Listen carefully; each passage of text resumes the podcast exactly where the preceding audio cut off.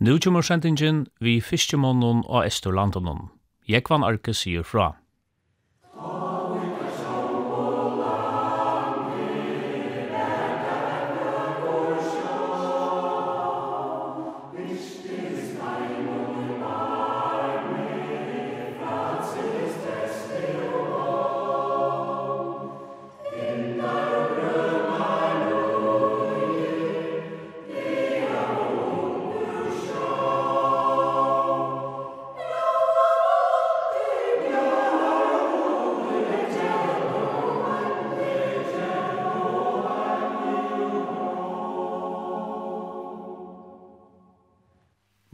1998 skipa på ferarøyen i Førjun og Øslande, fyrir enn fera Esterlande vi fyrste mannen og utrøra mannen.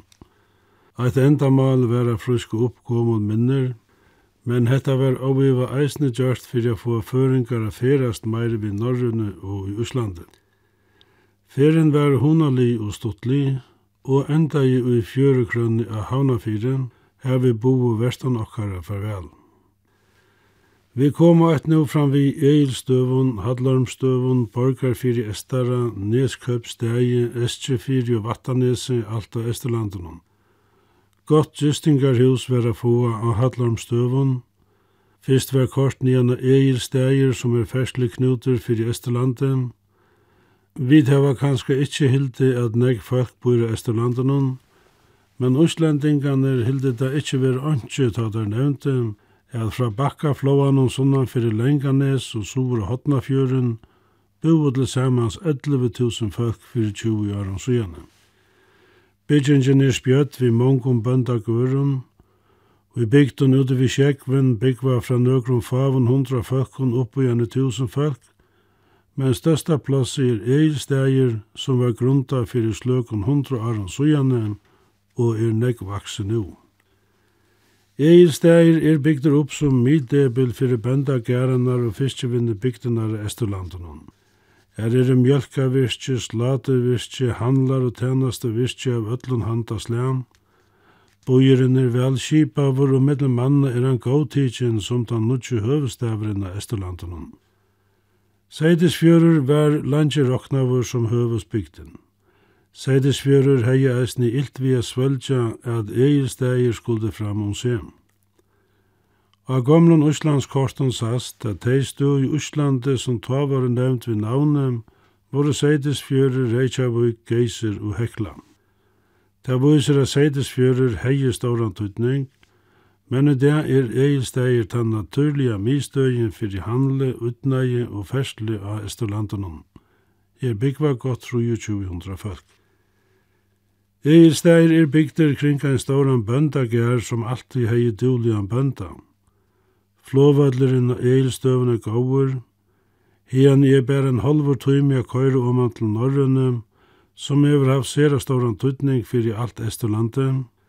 Fyrir 20 årene så gjerne flytti hun eine 200.000 folk ørliga mellom Ísland og Førjar. Det gjør det mun bægi her Esteri og i Íslandi som heilt, sier formaveren og i ferrarannon Birgir Torgilsson. Eit størst hus av eilstøvun nevnte det Kleinan. Hetta var en sølemistø, men ikkje røyliga så stor som Krinkland og Retsjavøk. Virksomhet var fjellbrøyt, her held rustrekka søla Rujusins til, og her held utvarp Esterlands til, omframt handlar og tænaste fyrirtøkker. Utvarstøyen hei ikkje nekk vara bætje, men hon ei nekvar lustarar hildi tei som er starvavust, og til lauti eisne rujus utvarpen og tilfær. Av eilstøvun er ikkje så lengt til hadlarmstegir her vid gistu. Einer 20 minutter av køyra, ta du hever kort neka kjemmet ur til trevøkstur, og i fyrstane tidsis det mesta vera grov og sett, men nærre du kjemur gistingar husen etter venum fram i vattnen og ånne laga fljót, sast at her er eisne upprunnaskapur. Ongastani i Íslandi veksa så negg trøn som er hattlar om støvun, og ungvar vi minner om Soverland. Særlig at hei som er i fegin om trø halda, at hette den vekraste bletteren i Íslandi, mer damma det ikkje så vel, så jeg vil hava frutt utsynet, Jeg halde jeg trø ofta ber opp fire gåen utsyne bæg så og så, sier fera malastjauren Birger Torgelsson. A Eilstøvun var eisne en skúlamistø. Her kunde bønn genge skjula oppi tudjunda flokk og halda fram av mentaskóla av Eilstøvun. Ein den fyrste husmøra skúlen i Úslandi var bygdur her om aldamóti 1900. Veverlegi er heldur betri enn erastan i Úslandi. Her er liggjande meilandsvever om sommari og negv lutjari enn i men at det fyri er vetri enn kaldari. Vi gengi okkur en tur i skåvunum. Aren nægran varti hei Birgir benk upp av dittnar og husmurra skúlanum og utkom fyrirstøv kvinnan. Vi sloppi inn at hitje at hisson snåtelig i husum og var i eisne vuster upp lofti her vevaner stav i arrean. Ein vinkone av Norrfjörnun som var halve føringur var akkurat komin av vidja fyrirstøv og konuna. Hon hei ofta veri i fyrjun og ferast, Pabi hennara Ede Sofus Djovero og bo i Norrfjörnum. Pabi hansara Atter det Eisne Sofus Djovero, han var i Fuglafyrem, og var meveren som i 1923 for einsamødler av bate mellom Østlands og Førja, og søgjane vujare til Hetlands og Norris. Gamle Sofus Djovero hei uslenska kone og bo i landje i Østlande, men søgne senast i år fyrst i tjeit i Arnon, var han ofta landje tjo en sonu i fyrjun, eldre så få støye i 1905. Annan dagen får vi en lenkan tur vi endastø og i Nesköpsdegi vi Norrfjøren.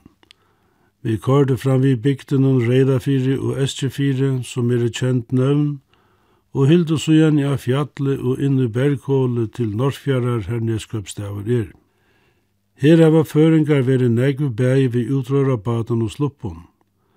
Da der fórja regvi ut vi egnom baden av Norrfyre og i 1870 og forsunun, domde Norrfyring og Løyde. Etta ratta i seg sætni ta føringar fórja leia bostægir fra Íslandingun og ikkje minst a selja dem og fiskin. Og i sætni tøyun hava først i sjåmenn eisni haft negv samband vi Norrfjøren.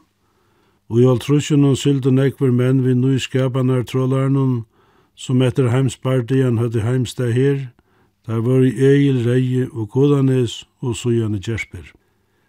Vi i okkara ferala var en nekre som hadde sylt vi uslensk kontrollar. Ein tarra vært han forsvara gamle Jon Olsen i Rytevug. Han får a sikla vi uslendingun i 50 arnon, ta fager chanser var jeg få i fyrjun, og framan undan hei han fiskan legg vi føreskun skipun under Íslandi. Jon for fyrsta året bortur vi skonnartene Sanno i 1933, Papa Bajen Magnus Olsen i Ritevik Ferdiana.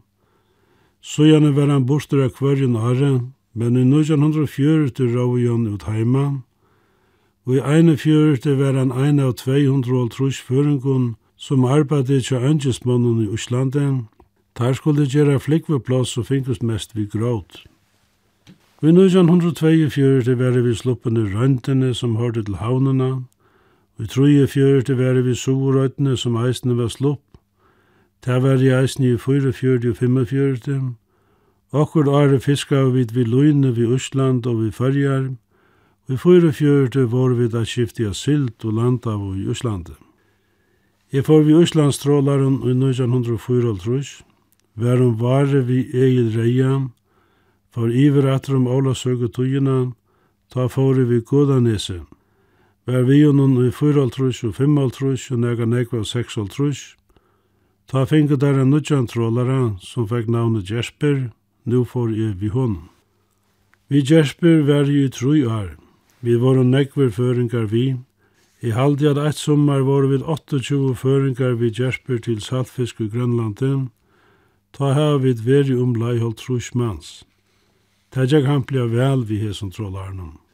Jeg minnes det var vi Godanesen, til halvan april tar vi for til Grønlands var vid beste trollar i Øslandet, hødde sløg 2300 tons, ta mest av toskur. Om vederen var vi mest i Øsfiske i Øsland, men om sommaren var det saltfiskur. Ein av ferien av Godanes kom til fyrja etter okkon, sier Skibaren, at nu gjerra vi den tur til bjartnøytene. Vi kasta oss over var vestur i bjartnøytene, men finko anki. Så fóru vi norur ester ur henne, her finko vi nega smavum. Ta iva i skiparen uja fer atur til Íslands, men vi fóru korten i atur subur vestur i bjartnøytene. Fyrsta dagen finko vi fullt dekka av mjalstorun toskjum, Her røynte vi til vi fóru inn til Hannesbók etter salti og olje. Kasta var sjøene miska i smittelen bjattnøyden og sørkaps og normennene kallar kveitholde. Her finner vi fitt av torskjøen, men så fratt jeg noen meire fisk langer nårere. Her røynte vi til tvær dier, mette fungen til 30 tons av saltfiske kvann dagen, ta var bateren fotler. Vi sylde noen innan skjer sjoer etter og forut til Esbjerga landa. Hiane var ferdig til Kukshafen a taka salt som fikk spøyligere her. Hetta var ein skjótuturur. Vi fóru av Runavik 4. juli og var i aftur av Runavik 16. august. Ta fóru i av, tog den nudje trålaren for å koma, og skiparen vildi heva okkom vissar vi honom. Det var sørste turer som eva vi godanesen. Trålarner andar Norrfjørnum finki ikkje gaua lagne. Nudje av stedan 1905 trus for Egil Reie som seinasta tur ut av fjørnum, 26. januar brast Øtnarvever a og der får jeg kråka under Grøneløy og Usafjara Djupe. Godanes la samstundis av Ønundar fjörnun, her var Jon Olsen vi. Vid våre javnan ut i hælan og vid Godanese. Jeg var ofta ringt vever om veteren. Nu var vi konur av Ønundar Fjøren. Øtnarvever var av landerinnskje, så vid lov vi jo antavd i åttasta fjørenun, her var ikkje vever a fer ut. Så held kiparen at det kanska var undalit ikkje a færa atter til kajina. Vi får oss inn atter og lødde okkun, men vi var ikkje littner a binda ta råpa kiparen om a løysa tog Egil Reie hei sendt ut nøyarkatt. Vi får oss åt han vegin, kiparen tåsa i land og usafjørnun, ta kom en 20 tons bader ut, vi får i åtta mann som bor av baden, og trutjur føringar og fem uslendingar. Enkra av baten, og jeg kom a standa framja baunen og skulde varska så vil ikkje dra i atjeri og slite kjedina.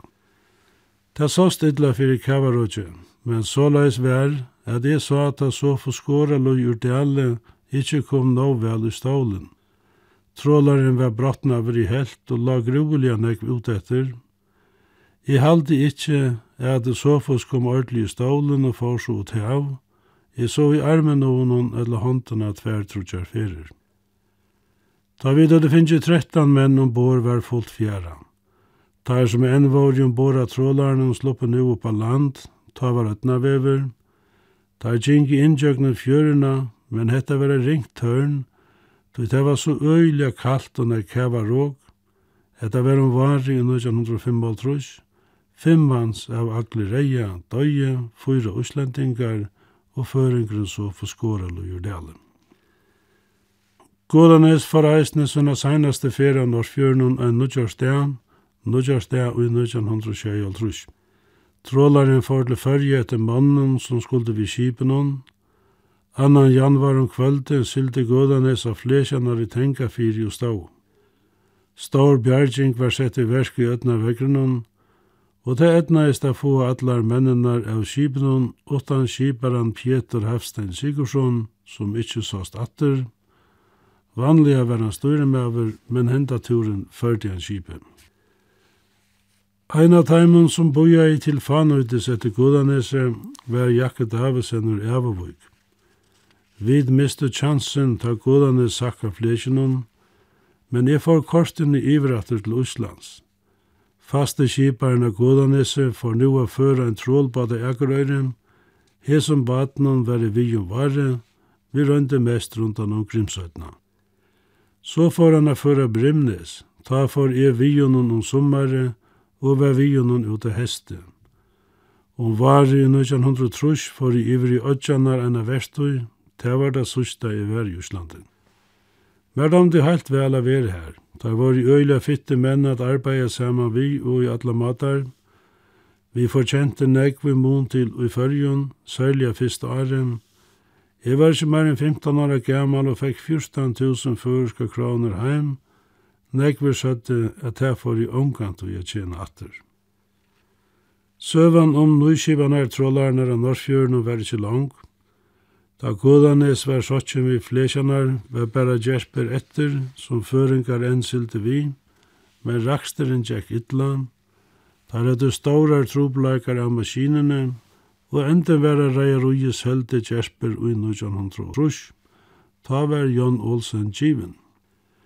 Kronan får så lengt nyer at jeg får heim fram mot jovlen ui nujan trus. Nekvar uslendingar kom i eisene til fyrja ta, bægi vi trålaren og løgne skipun, og sommer arbeidde oppi av landet, ta finnk meir borster ur i fyrjun. Skibaren som evar vi i fem år, levde enn i 1998. Han er at Magnus Gislason var 41 år. Han var slekta over inni i bottnen og ønunda fjørunnen, flottet så til Reykjavíkar, og ta han for å føre godanes flottet til Neskøpstam, Søgjane bosettest han atter i Reykjavík. Jo, jeg vil rausa Øslendingum fyrir til at tog vid våre saman, og særst daglig at nu vid er vi ivre, jeg halde at det røyna vera så blodje vi okkur som der kunne. Av Norrfjörnum boet han kjent i uslenske politikaren Ludvig Josefsson ur alltid i bandalennon, Stundun stod han fyrir trålararakstrenon, Men oppa det kjentare var han som fiskemalar av herren, og tjekka åtta fyrir a flyta fiskemarkje ut, bægi ui halvtrusjonen og halvfjersjonen. Og i 1908 flotte uslendingar fiskemarkje ut av 12 fjoringar, og i 2004 fyrir der ut av halvtrus fjoringar, og i 55 flotte der heilt ut av 200 fjoringar. Lodvig Josefsson var vinstrahattler som nekar, og bretar som miste nekvar fiskeleier av hansara avun, nevnte han bæra Reie Josef. Ei maver i fjerralandet var Martin og i grund i Søldafire, han er særlig minner av SG4, her han ble unkur av i ut i 1944. Vi var tvær føringar, jeg og Per til Elken i Ritevøk, vi får i Ivra Seidesfjøren ved Boastein i Fuglafire, og så vi ala kjere ur havn sobre SG4, Her bebo vi ut i Mjøvøyre. Bare ein i hus var i Mjøvøyre, som er et riv, her viten vi innsiklingene av Eskjefjøre stenter. Baderen er sveneren, skiparen åtti han sjølver, vi bo i eisne tjonen, her var det tvær dranger og en jenta i husen. Ungdommeren spalte håndbolt av øyrene. Fram vi var grunt og her svom og vid vi kvørst, Stundun miste der bolten av Ta platet der er råpa av meg om å svimbi etter boltenon. Såleis komst du i samband vi ungdomen, og ta du komst du i dans vart du velkommen her. Hetta var jo året ta Usland tog lest fra Danmark. Vi får en nyan egilsteger saman vi ötlund taimun, her var rattelig romer, men ta luktest egilsteger ikkje egilstøvun i dan, ta var bare eit størst hus, eit størst kjald og nek av skoet. Men her var avføra stuttlut. Jeg får a dansa vi en argente, dansa i flere danser vi henne, spurdi henne hos hun et, jo hun kallaist Ingebjørg. Så spurdi henne hvi henne jo vær, jo, vi hadde da hoa litt. Jeg bjava henne ena Coca-Cola, og vi sette jokken saman vi hinnan ungdomen. Jeg prata vi omkran annan ena løte, jeg for så atra dansa. Da vi var kommet ut av gulvet for jeg tåsa vi henne. Nu vildi hun ikke tåsa vimme. Jeg skyldte i ønske, men så nevnte jeg navnet Ingebjørg. Ta sier hun at hun er ikke Ingebjørg. Ta var etta en tvojbora syster. Jeg var unger og rådna i rattelige, måtte bæra pura bakke ut, annars er jeg hoksa mer at tåsa synde meir vi så gav og kjente, sier Martin. Hva domte der så er jeg ut i Íslandi?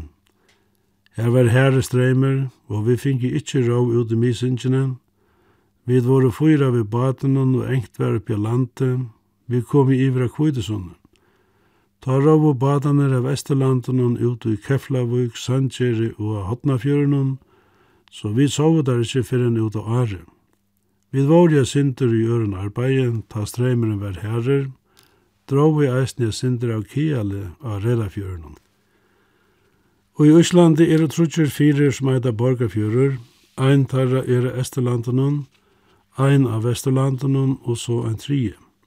Tanna Esterlandunum verður nevnda borgarfjörur Estaren, hette er ikkje nega lenge fjörur som flere av hinnom. Han legger vui åpen fyrir havalde, men stotter er rekva fiskelei. Her var det føringar til lands i mongar, og nøkur minne er i omessa tøyina. Borgarfjörur Estre ligger nega norra fyrir Seidesfjörun, Lodmondarfjörur og Husavik ligger i middelen. Ein dag fóru vi til Borgarfjara vi bussi og kortver av Hallarmstøvun om Egilstegir fram vi Lagafljót, norrur i Herasflegvan som er størst slattlendi, og man i tjøkken hetta slattlendi renner av jökuls av honom. Úslendingar eia eisne av søve om ein orm som bor i Lagafljóti. Hesen ormeren sier der er i at vi skoska ormen og Loch Ness, men ta knuipe vist eisne her, at nekar er bor i øya vi Ein av feramannunnen hei særlige kjensler fyrir borgar fyrir estara. Det var Sofus Gregersen og Syregøten, han hei ångade verier, men hårst nek om borgarfjøren, då papi hansara Salomon fyrir om han øyrena rau ut her i mångkvar. I har vi hørt om borgarfjøren atla munna tog, sier Sofus. Det fyrsta i minnest er da papi kom atter av borgarfjøren, Vi gledde okkon til at han kom attor, og så til berene som vi alltid finke fra honom. Men det var ikkje best vi syskjene som gledde okkon. Nek vannar bøtene kom inn og få oss her ber, og så langt som neka vær, finke ødel som kom jo godt. Jeg halte meg minna seinaste ferien av vær, ta vær jeg bliv en store dronkur, men langtist alltid etter at han skulle koma til det seinaste av hodgjengene, og men gjerne var vi li og høtja da han kom atter i september manna. Papi hei nekvar gavar viner av borgarfjörnun, og tå sa jo om at etløv og plåse var ikke godt, men der finke sunne urstøk i her, og var i alltid glæger til det kom i heim atter om hesten. Seinast av herre var miska i su tjoen. Tar at jeg ikke finner det som er en, så avrokningen tjata man var ikke bare en tesen der høtti ui enn tolka tunne, og i der bøyte søgna middelen, hugsa ikkje at nekrar ærer pengar vore. I minst er at hitje at av leiene til borgarfjærar. Kort vire fram vi bygdalænen Eidum, eina fyrir var en stor bøndagærer her, og søgjan hever kostskjule vire. Hesen skule er nu nylagter, tuta mesta av skolen vire sauna eilstøvun. Her har vi gist eina fyrir fyrir meir enn 40 år søgjanen, Det ber så var at jeg og kona var vi fyrsta turen som Smyril gjør til Oslands i 55. Gist i ena natt av Esterlanden og har en flåfære for det Retsjavukar, men det gikk strilt i å få fast av seides fire nyane eilsteir. Da vi så kom nyan her, var ikke sånn å få av hotellen. Jeg har finnet en løggregle bil av køyrakun, og løggan fann på å køyre til eder. Her etnaist a sleppa sova og i stovene til skolastjóranon, og da vi skuldi a flåvöllumögnen etter kom en annar lögreglu biler, eit rattelit salatfæd etter okkun og skytsa i okkun av flåvöllun, ta var service. Longur fram i leiene stender et ensamalt løyd i hus, vi er noen neste vi bati ui dikst vi vegin og ånda. Hette er Tja du kjenta uslenska lista malaranon Johannes Kjærval som var attavur hian i alaiene. Om sommar er platjana halda til her i einsemenon, og her gjørdi han mengar av sunnum beste målningum. Evnene våre kanska særlige til høv og dyrfjødl, som han hei frutta skoa ur sommarbostenen, og skuldi han negra ved, så flåta han baten i ånne og helta steg til naste bygd. Íslendingar trædast av Iva Sinter om hver der fyrste landnámsmennene kom i land, og åmanjøknen henda dalen greite feraleieren fram, at hier kom une danske, åren nekar mever koma land fyrir vestan. Navn hans er han sast framvegis av etne og bygdene Una Ås som ligger under skærenon, og i køyra skal tas næra verer til Djervøykar og Borgarfjærar. Njarvøk her i Esterlandenon hever eina utrolige njøsnare søve fra Kruksarnon. Trudger tuskarar og en uslendinger for til fjalls og gjør det særa bøyle er der atlav at halda til og senda tuskaren opplysningar, men tar var i og brestjer hermen for i etterdaimon. Av vi til husvittaimon stegg av bredaner av i en bøndagær og får inn av få seg en drekkamon. Fengarna er laudet der sida ut i tunenon, Ta gjørde mattmåren barst, hon var ikkje krutje vi nægran kvørstje tuskar edla bretan, og hon skongti ongon breta drekkamon så langt tar tusku fenganer ikkje sluppe inna få seg en drekkamon eisne. Bygden av Borgarfjøren hever fyrveren veri bakkagjere, men nu veri hon fyrr mestan mesta nevnt Falka talje minka negv så gjerne teva mest, og mantale var ikkje meir nålt annandra om aldarskiftet. Her tyktist ikkje vera negv arbeid, ørvise vær ta føringar rovi ut om aldarskifte og anna fjåringsöld fram. Ekkje enn fyrir bygdina er eit nu Olva Borg og er ein kletter som stendur bant upp ur jörunni stått fra husun. Hulde søvnar om hesa Borg er sjálfsagt negvar, men kletterin er eisni et satt eldorado tja bøtnan å spela ui. Et anna etkjenne fyrir borgarfjøren er hølmeren, etla hapnahølmen, åttalia av Estersuginen. Her er gjørst av løyt i mittlen hølmel og land, der badane litja vel. Hølmeren sjolvur er gott lundaland. Til tessa folk skal ikkje færa ui hølmen i oven verskun heva borgfyringar gjørst anna trappi av havnaleganen oppa hølmen, og ur hese trappu kan fuglun skoast, Det er sjølsamt å komme så nær fuglunnen vi så høytligere gongt, prester eier, sætte der. Ørendene av borgarfire var no mest a slåte etter om nekar kunde sia nek om tøyina ta føringar våre fastur tattur i bygda myndene. Vi skulle hitta en mann som er Odni Haldorsson. Han myntest føringar av borgarfire, hei sjølver føreskan bad og hei eisne veri i fyrjun. Han hei boa fra at bossere måtte ikkje koma heilt om han i tunet, og i her la han eva av eggun. Hon skulle ikkje avrekvast. Vi husen tjoen hon stod en føresko bater, og klakkur stod av navna bretten hon. Enn hei han ikkje drian, men vi okkom var komin en Abbasoner hansaram, så nu skulle hjelpa Abban hon a mala baten. Sofus Gregersen var særlig spenter vita vita hvordan her så ut og hva Otni Haldorsson heia sida.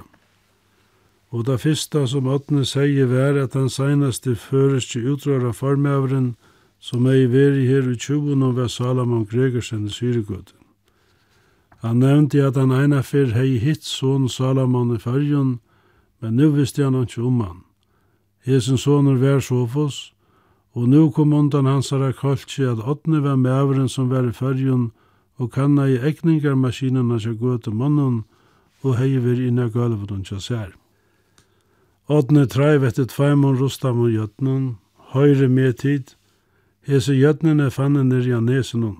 Gamle bønden som nu er deir sier, er hetta våre leivder etter føringar. Her fenga av der kufisk til agn. Der høyde jeg spjall vid tannsjåle, som der sette hetta jötnen i rui, nu skal jeg vusa dikkon, komme mer. Ådne får så om han av bakkan vi jokkon, han vusti jokkon hver enn ei funne jötnene, Kongar stod i eisen i. Her platte føringene er at dreie opp ta der dredja av etter til agn.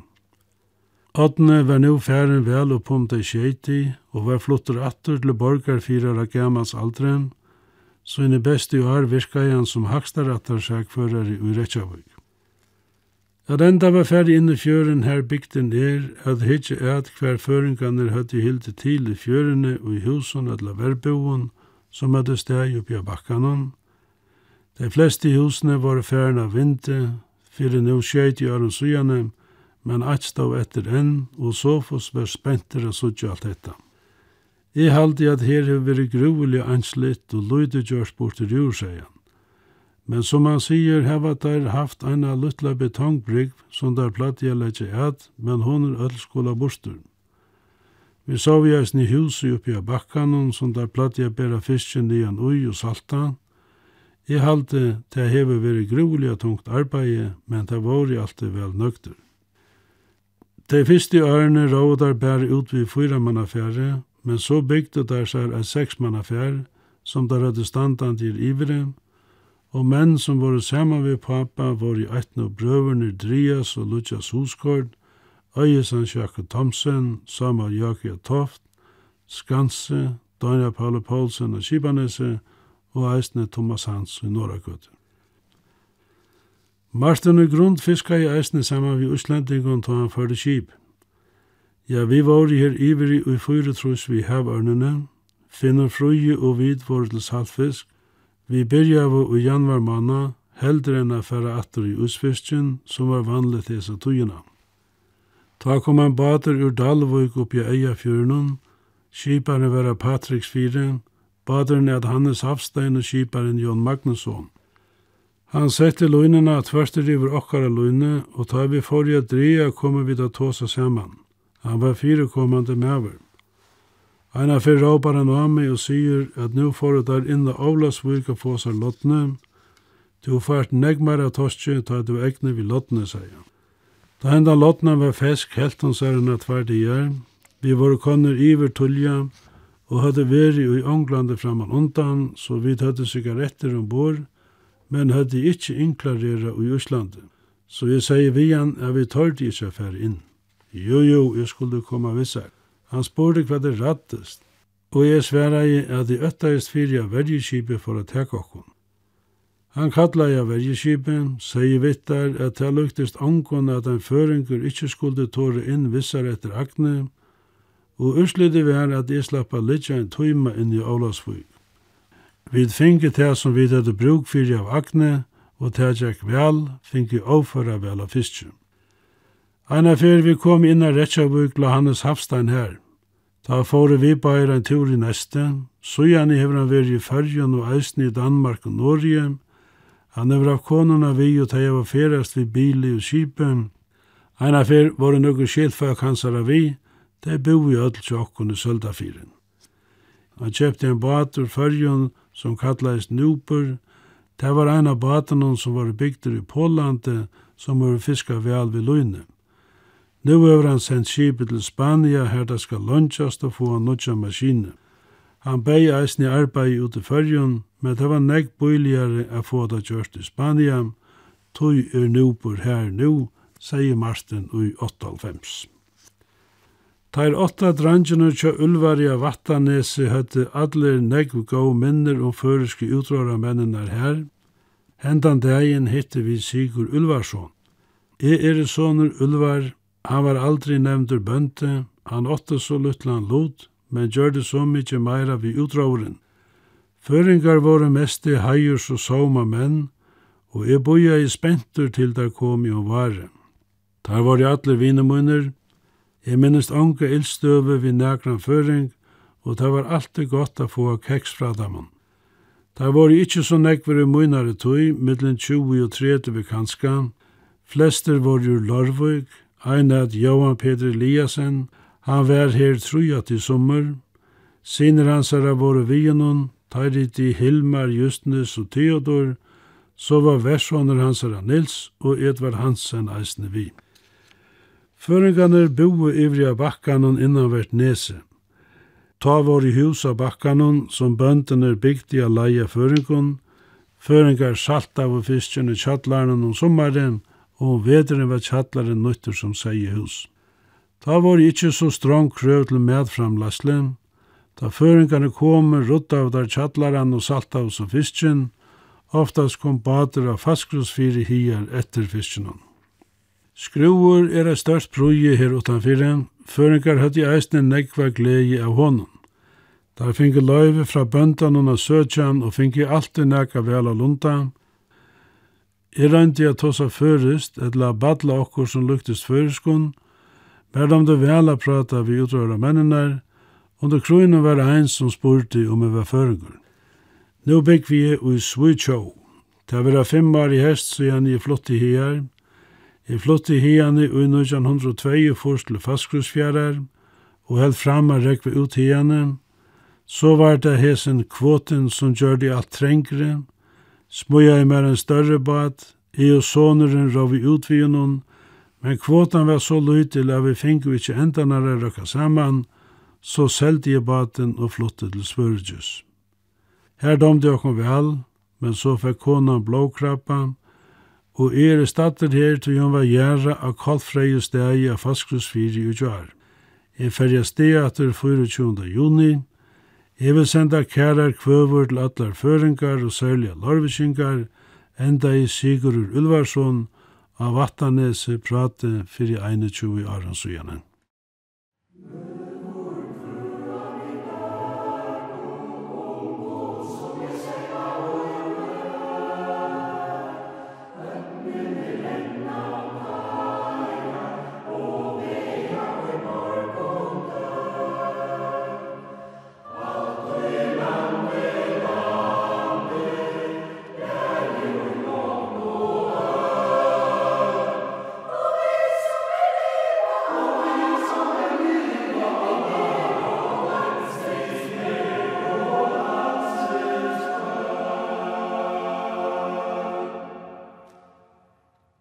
Hatta var sendingen vi fiskjemannen og Estorlandenon. Jekvan Arke sier fra.